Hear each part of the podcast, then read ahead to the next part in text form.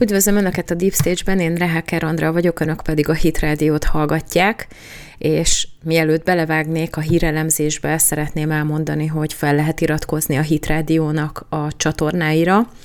és folyamatosan jönnek ki az újabbnál újabb jó kis csatornák, érdemes figyelni, mert a Hit Radio szerkesztősége folyamatosan azon dolgozik, hogy minél jobban kiszolgálja az igényeket, és szerintem nagyon jól menedzselik ezeket a YouTube csatornákat. Ugye az Ultrahang is Hit Radiohoz kötődik, Fekete Rita,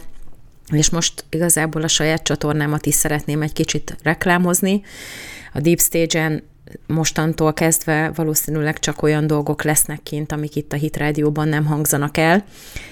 beszédeket fordítunk le, és hát a német csatornára is szeretném a figyelmüket felhívni, amit lehet a külföldiekkel megosztani, hasonló stílusban, mint ahogy itt elemzem a híreket, Németország számára releváns kérdésekről beszélek ezen a csatornán. Szóval mindenkinek nagyon köszönjük a támogatást, és a mai nap szeretnék négy hírt csokorba szedni. Ugye a, a hírek egymással egészen összefüggnek, ha megnézzük, akkor most mindenki próbál különböző reformokat keresztül vinni, és szeretnék erről néhány szót szólni, hogy szerintem mi ennek a jelentősége, meg hát szeretnék a hollandoknak a választási eredményéről is beszélni, és az egészet aztán egy konklúzióval lezárni. Most ez is egy kicsit rendhagyó lesz, tehát nem két hírt fogok hosszabban elemezni,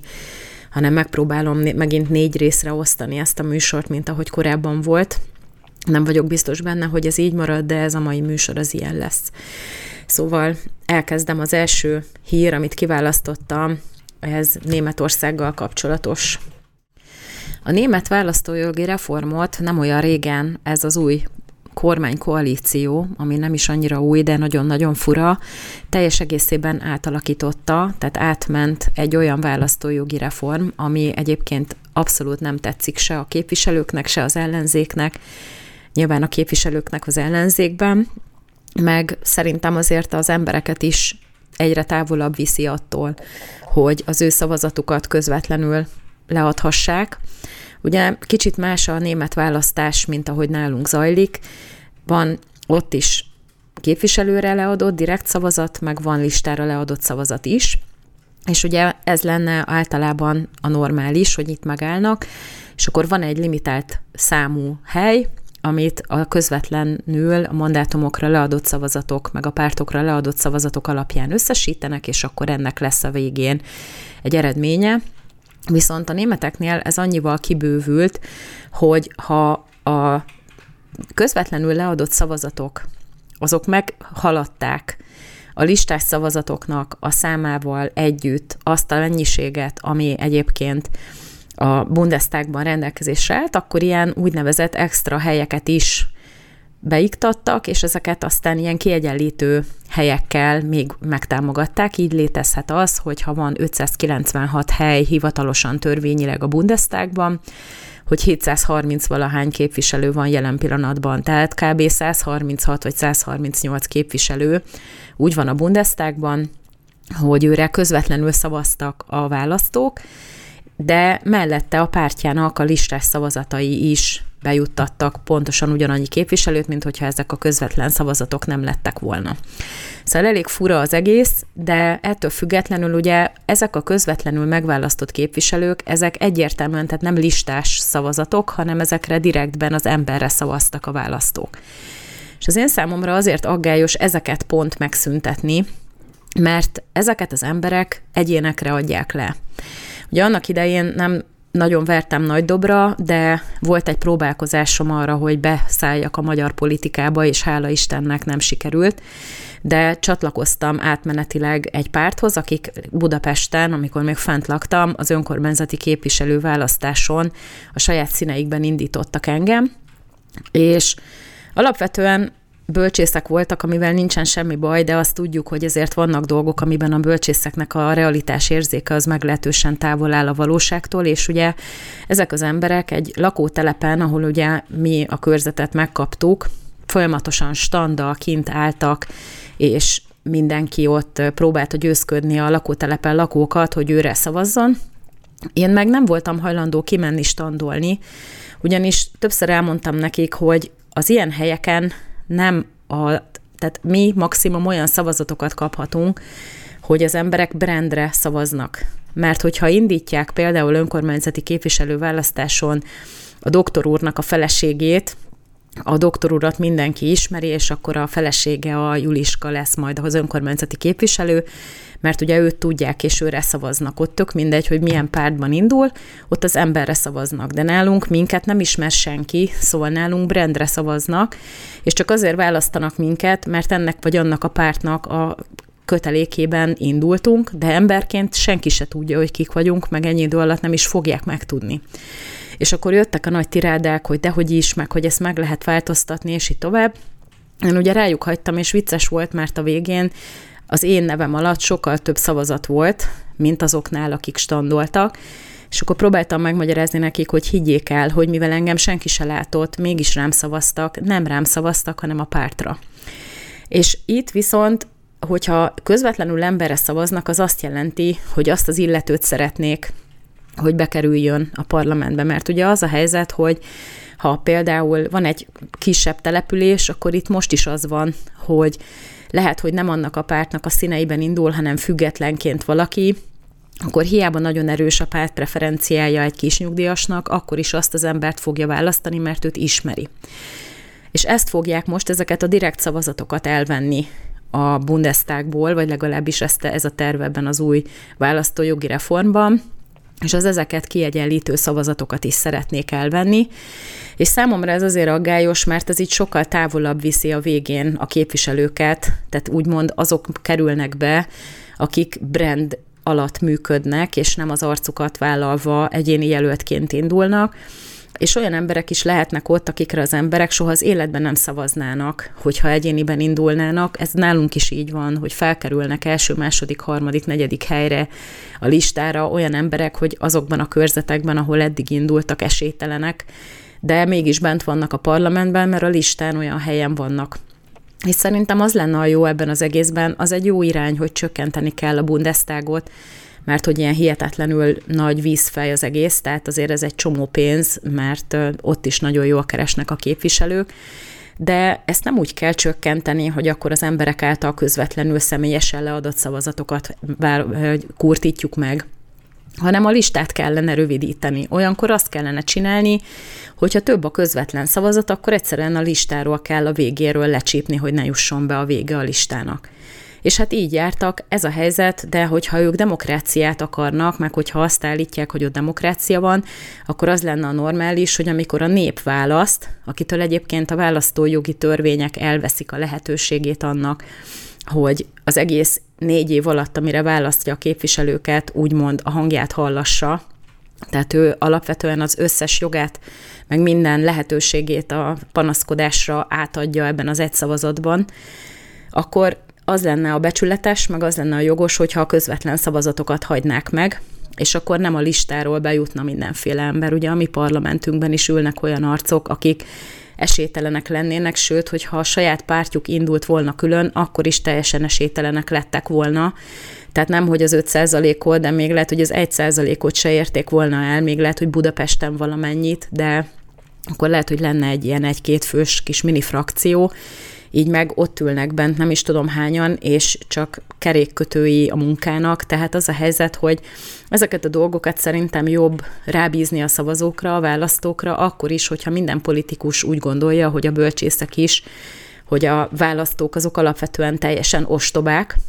de én azt mondom, hogy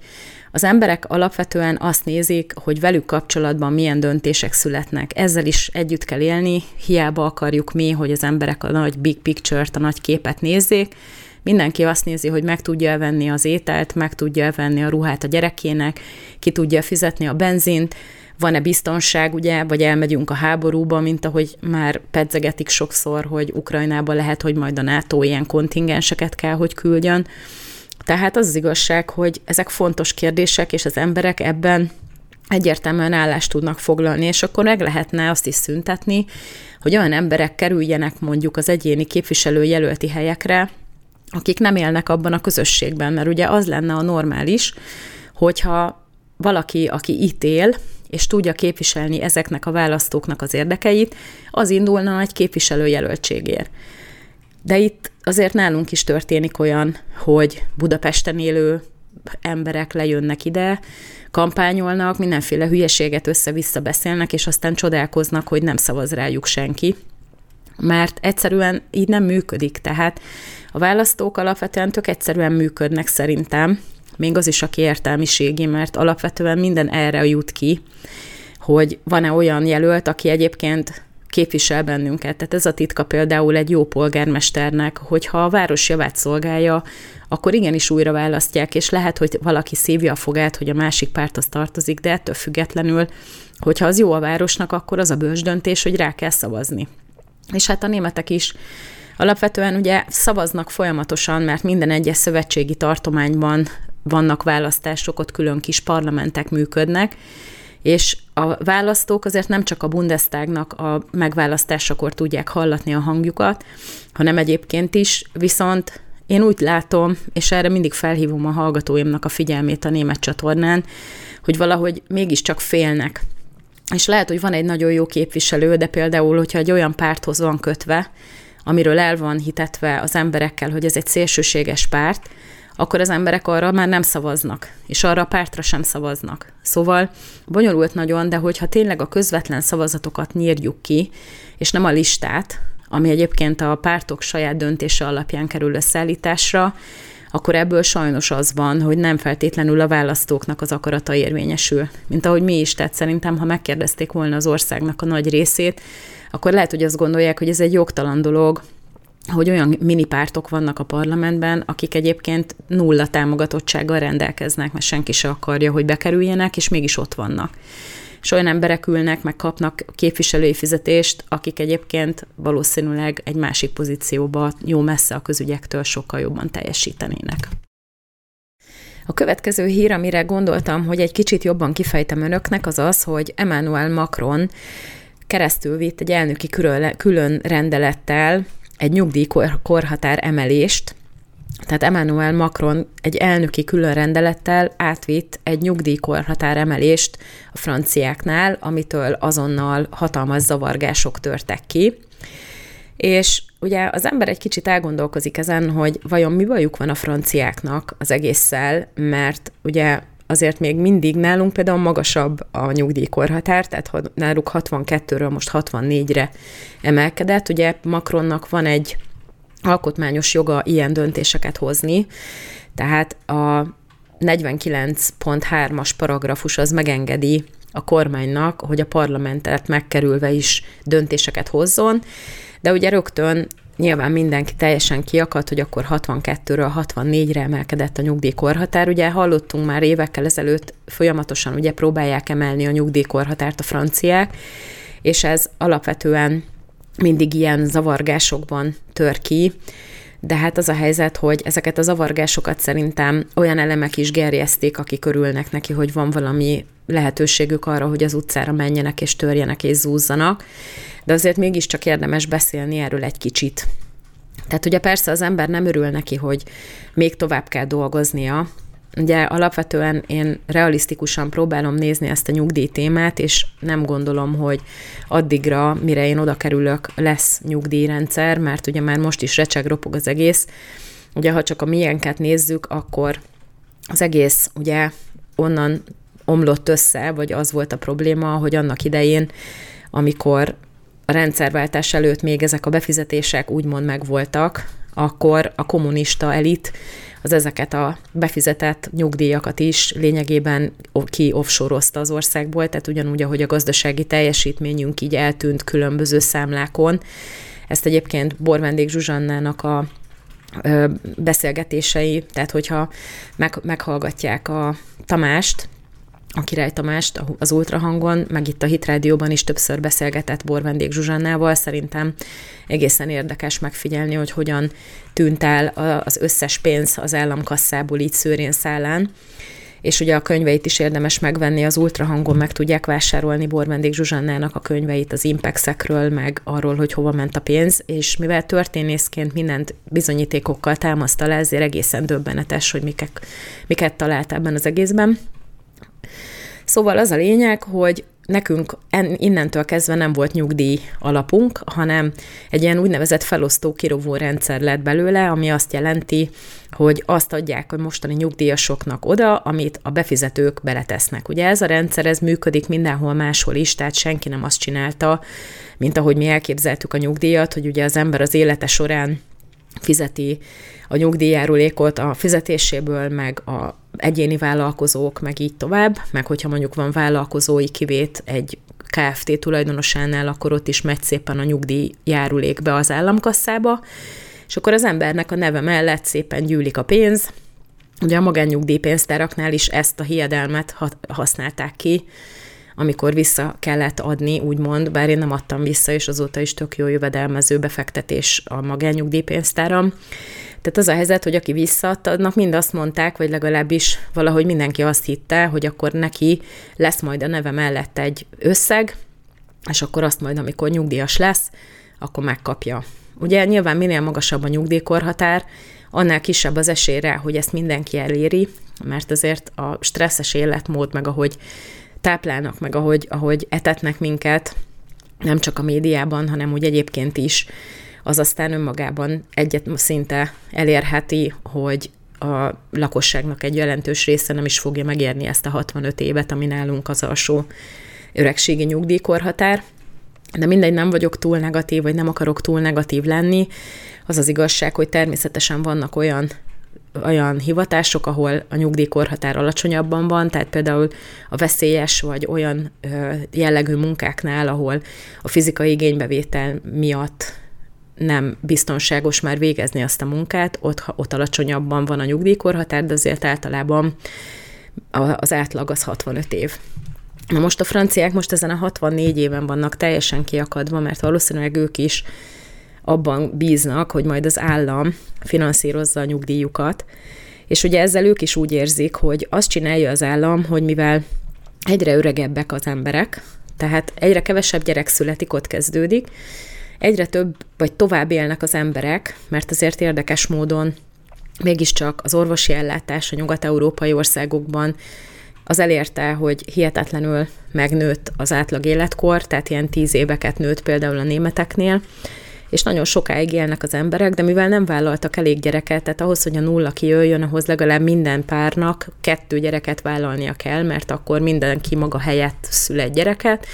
és akkor nullán áll a népesség, mert ami elfogy, az aztán után van pótolva, de sajnos ez nem így van. És hát ez Nyugat-Európában még sokkal rosszabb, ami azt jelenti, hogy ezek ugye fogyó nemzetek, és sajnos a migrációval sem lehet ezeket a dolgokat kiegyenesíteni,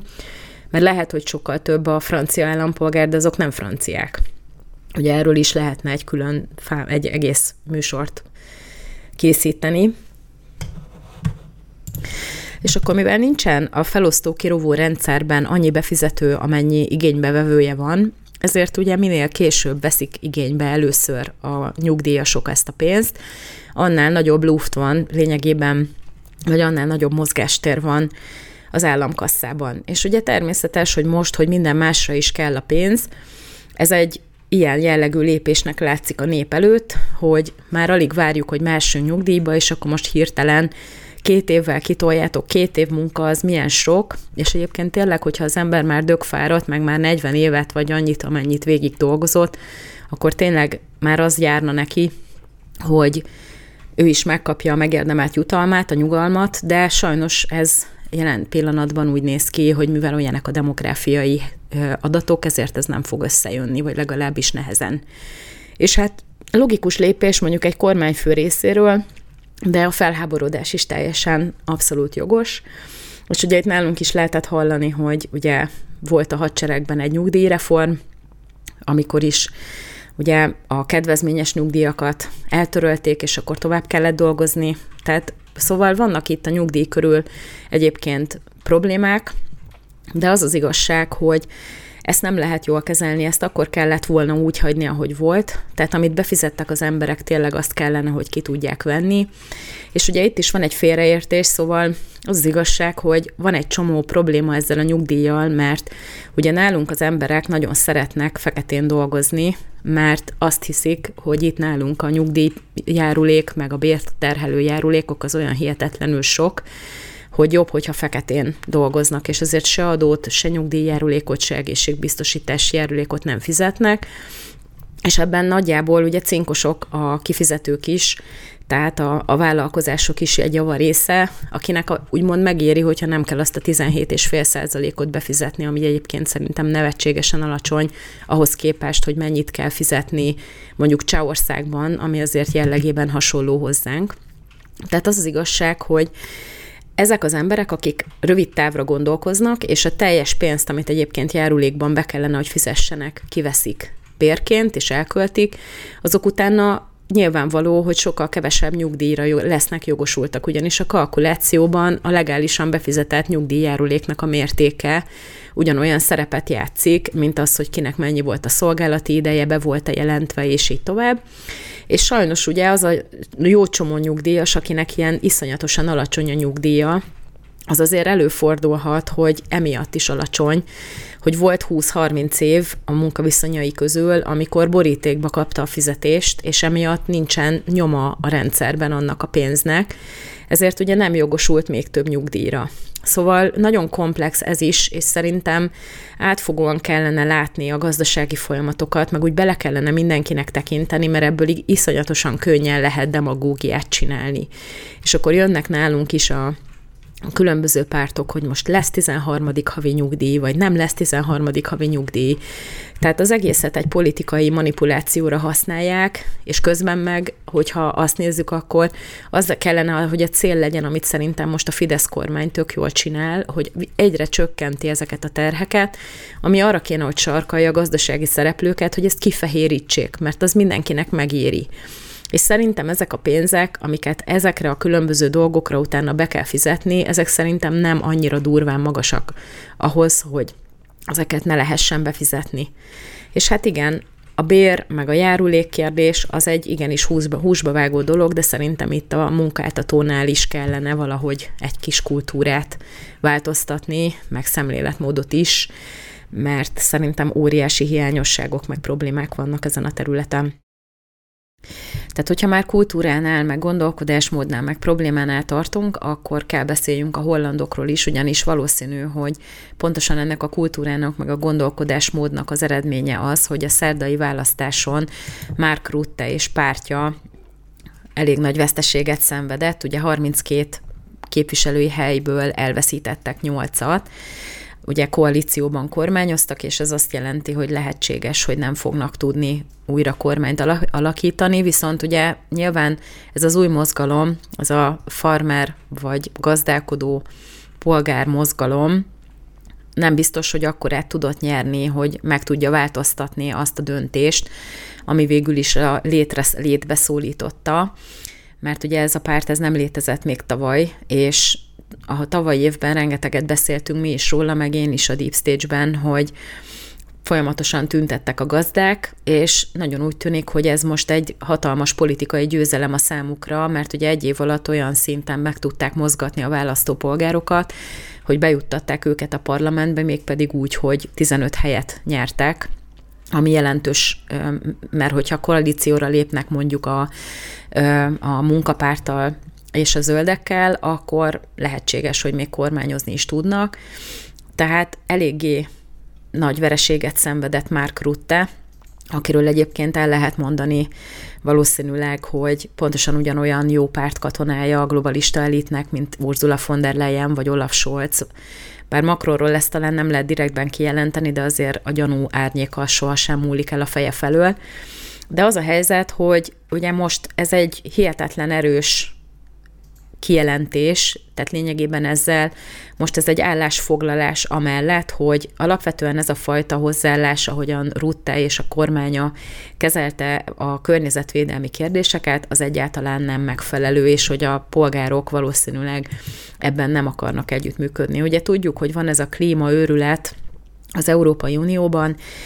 Davosban is hallhattuk, hogy ugye az a céljuk, hogy 2030-ra vagy 2050-re, vagy mikor meg, hol lövik be ezt, az, ezt a végdátumot,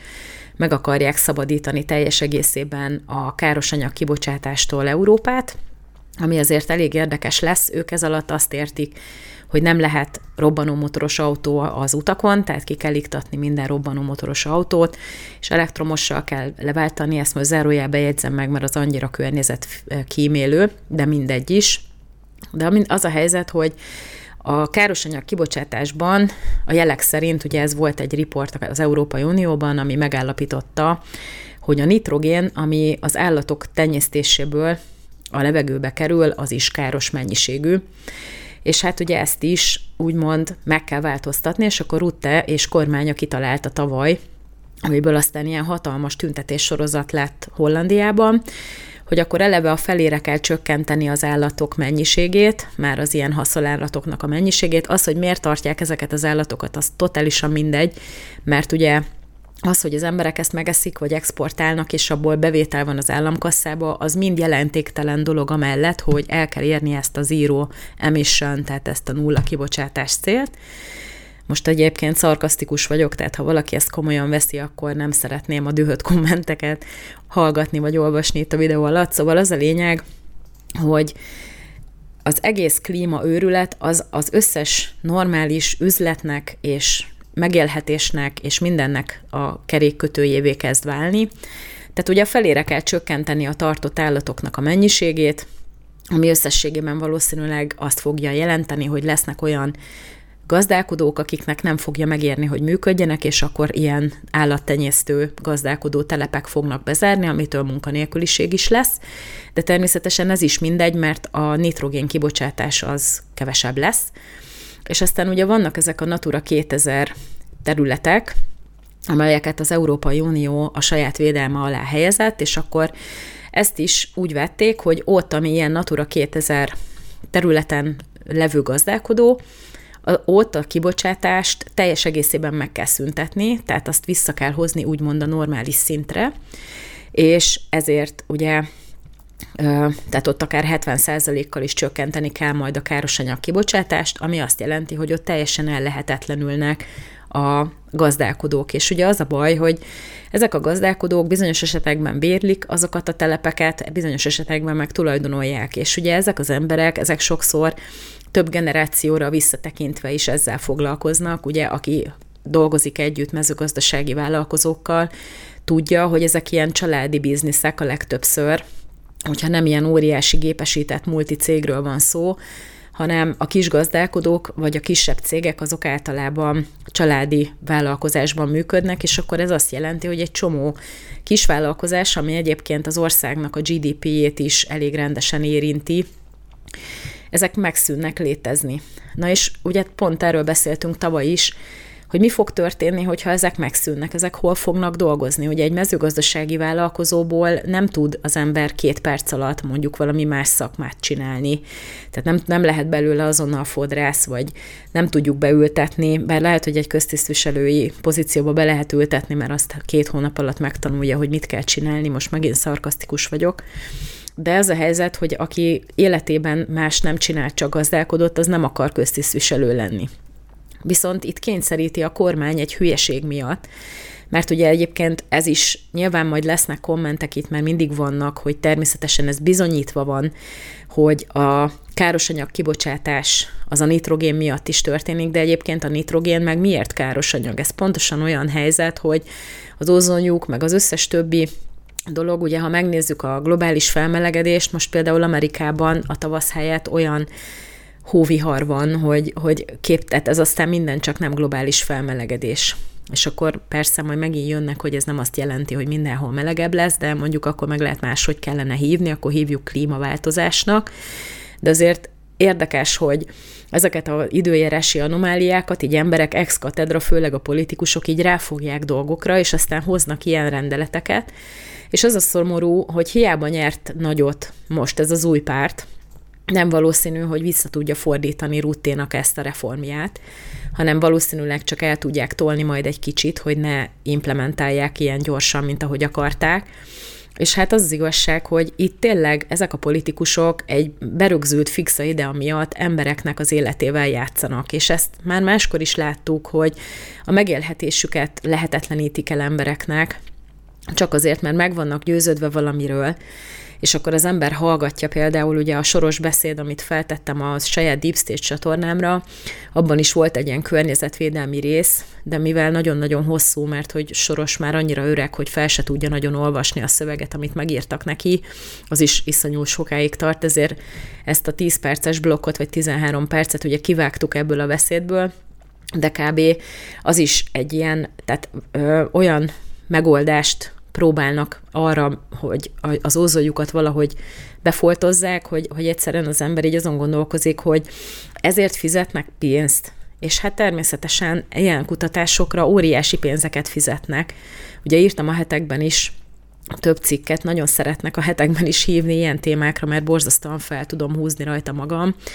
Tehát volt ez az Ocean Cleanup nevű hatalmas projekt, ami a Silicon völgyből iszonyatos pénzeket kapott, és ugye nem nagyon értettük, hogy hova lett az a rengeteg milliárd dollár, de hát valószínűleg az egész gárda tök jól él belőle azóta is, és aztán így eltűnt. Volt egy próbaüzemmódja, és aztán semmi se lett belőle, mert ugye az, hogy kiszedik a vízből a szemetet, az egy dolog. De aztán hova teszik? Mit csinálnak vele? Tehát az a baj, hogy ilyen hülyeségekre elmegy egy csomó pénz, meg embereknek a megélhetése borul be miatta, mert valakinek van egy ötlete, és akkor mi lesz majd?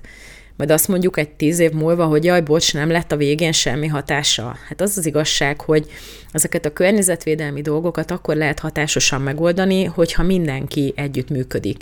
De azért a németek is azt csinálják, hogy ahol nem akarnak csökkenteni, ott fognak valami karibi szigetet,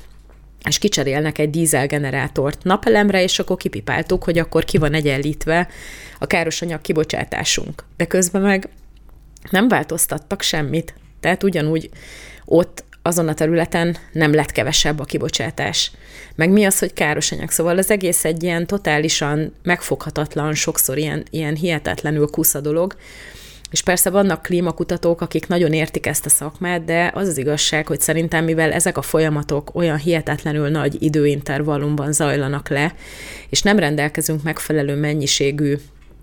információval ahhoz, hogy mondjuk akár csak 500 évre vagy 1000 évre visszamenőleg modellezzük, hogy mi történt. Ezért ez, ez, ez egy ilyen hit, ez pont olyan hit, mint az evolúció hogy azért ahhoz igen nagy hit kell, hogy elhiggyük, hogy az, az amőbából létrejött egy ilyen komplex dolog, mint az ember, tehát szerintem pontosan ugyanolyan hiedelem, mint amit a Bibliáról mondanak sokan. Szóval ez az egész környezetvédelem szerintem életveszélyes, főleg, hogyha ilyen szinten van használva, és sajnos most egyelőre lehet, hogy volt egy nagy győzelem Hollandiában, de azért nem biztos, hogy ebből bármiféle változás következhet be a közeljövőben. És ha valahol nem szeretnénk, hogy változás legyen, az pedig az utolsó híremmel kapcsolatos hely, ugye Izraelről is fogok beszélni, bár erről beszéltünk már pénteken az igazságligájában, egy kicsit hosszabban, de én szeretném azért ezt egy kicsit jobban feszegetni itt ebben a műsorban is, mert szerintem pontosan beleillik ebbe az egészbe, hogy ugye Benjamin Netanyahu, ahogy kormányra került, elkezdte a bíróságoknak a jogkörét visszametszeni, és hogy elfogadtak egy olyan igazságügyi reformot, ami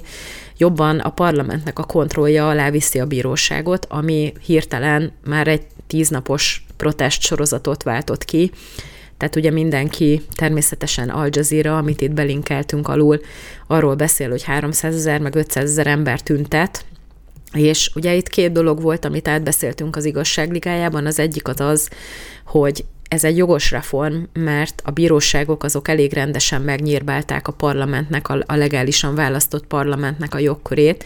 mert ugye felülbíráltak parlamenti döntéseket, meg olyan lehetőséget nyújtottak az embereknek, hogy ha be, valami politikai ügyben a bírósághoz fordultak, akkor ott akár a legálisan elfogadott rendeletekkel is szembe mehetett egy bírósági ítélet, ami egyébként nem szerencsés, de ugye pontosan az a lényeg, hogy amikor fékek ellensúlyokról van szó, akkor alapvetően a bíróságnak tényleg feladata, hogy valamilyen módon kordában tartsa a parlamentet, viszont ez már olyan szinten nem volt egészséges, hogy ebben tényleg kellett reformot létrehozni, meg ugye, hogyha nem tud működni a parlament, mert állandóan alássa a bíróság, akkor az sem megfelelő, tehát az sem a legjobb, hogy, hogy működjön. Viszont az, hogy ennyi ember az utcára vonult, az alapvetően meg egy kicsit súlyos azért ahhoz képest, ami történik. Tehát lehetséges egyébként, hogy a zsidók sokkal rosszabban tűrik, vagy nehezebben, amikor az ő jogaikat megnyírbálják, már pedig itt az történik, hogy nem tudnak direktben beleszólni a parlamentnek a munkájába. És ugye pont a műsor elején beszéltem róla a németekkel kapcsolatban, hogy amikor választunk, vagy akár a mi választójogi törvényünket is hozhatnám, akkor alapvetően egyetlen egy esélyünk van négy évente kinyilvánítani, hogy valami tetszik nekünk, vagy nem tetszik, és akkor utána lemondunk minden jogunkról, de így a bíróságokon keresztül az izraelieknek végül is volt joguk direktbe beleszólni a, meg a rendeletekbe, meg a törvényhozásba. Csak hát persze minden egészséges kormány azt mondja, hogy ugyan már köszönjük szépen, most megkaptuk a mandátumot, nekünk kell itt dolgozni, és ha állandóan belerondítanak, akkor megbénul, megbénul a rendszer. És ebben az értelemben ugye ez a két akarat csapódik össze. De ha meg megnézzük, hogy alapvetően ugye ezt, erre is kitértünk, hogy egy ilyen szivárványos forradalomnak tűnik az egész, ami most ott kialakult, amivel kormányokat akarnak dönteni, meg aki, amivel sikerült is kormányokat dönteni más közel-keleti országokban, meg akár Ukrajnában is, ha visszagondolunk. Tehát az az érdekes ebben, hogy valószínűleg Netanyahu újra kormányra kerülése nem tetszik a globális elitnek. És ugye minden szinten arról beszéltem az összes hírrel kapcsolatban, ugye a német választójogi reformmal kapcsolatban is, meg a hollandokkal is, azért ez a probléma, hogy a globális, globalista elitnek a, az agendáját próbálják kivitelezni, és azok a politikusok kerülnek mindig a szőnyek szélére, akik meg próbálnak a saját népük érdekében is dolgokat keresztülvinni, és nekem meggyőződésem, hogy Benjamin Netanyahu ilyen politikus, annak ellenére, hogy nyilván vannak hibái, természetesen minden politikus korrupt, most ha innen nézzük, akkor akárkit megnézünk, teljesen mindegy, mert mindenkinek van vaj a füle mögött, mert az olyan erkölcsileg makulátlan emberek, mint Mike Pence például, szerintem ilyen a dialektikus materializmus törvénye alapján a kivétel, ami erősíti a szabályt, tehát Mike Pence nem is nagyon tudott igazából maradandót alkotni a politikai életben, és hát minden egyes olyan politikus, akiben még van normális gerinc, azok sikertelenek sajnos, mert ilyen a politika. De az az igazság, hogy azért az, hogy valaki az a saját országa érdekeit is képviseli, az meg ebben a jelenlegi felfordulásban, ami az egész világon zajlik, az szerintem egy kifejezetten támogatandó dolog. És ugye a zsidók alapvetően nyilván tudjuk, hogy folyamatosan vitáznak egymással, és ez egy teljesen instabil helyzet, amiben most sodorják az országot. Tehát ezekkel a zavargásokkal lehet, hogy teljesen békés emberek kimennek az utcára tüntetni, és ezt aztán politikai haszonszerzésre valakik felhasználják. De ez egy nagyon-nagyon veszélyes dolog, mert hogyha elkezdenek törni, zúzni, ugye, akkor az már belbiztonsági probléma is lesz,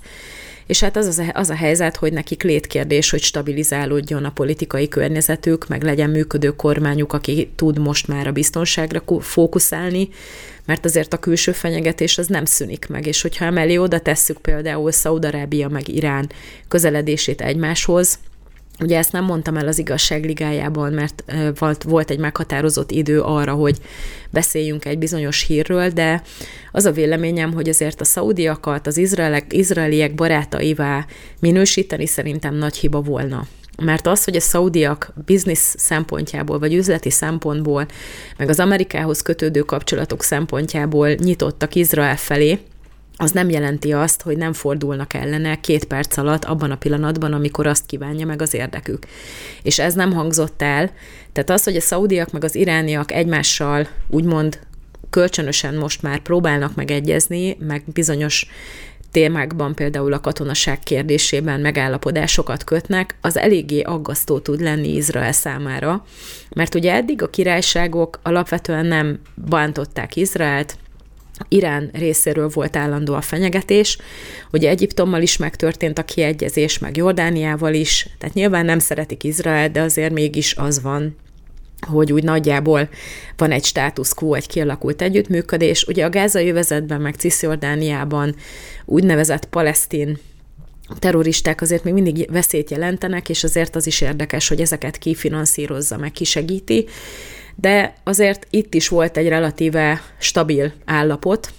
meg ugye az izraeliek egészen jól tudták kezelni az utóbbi időben már ezeket a dolgokat, viszont csak akkor, amikor normális és olyan stabil kormányuk volt, ami tudta ezeket a dolgokat a, a, a működés mellett megfelelően kezelni. Ugye most Netanyahu-nak ahhoz, hogy kormányra kerülhessen, azért kellett kompromisszumokat kötni kicsit szélsőségesebben nacionalista pártokkal, ami ugye ezt a dolgot elbillentheti egy irányba,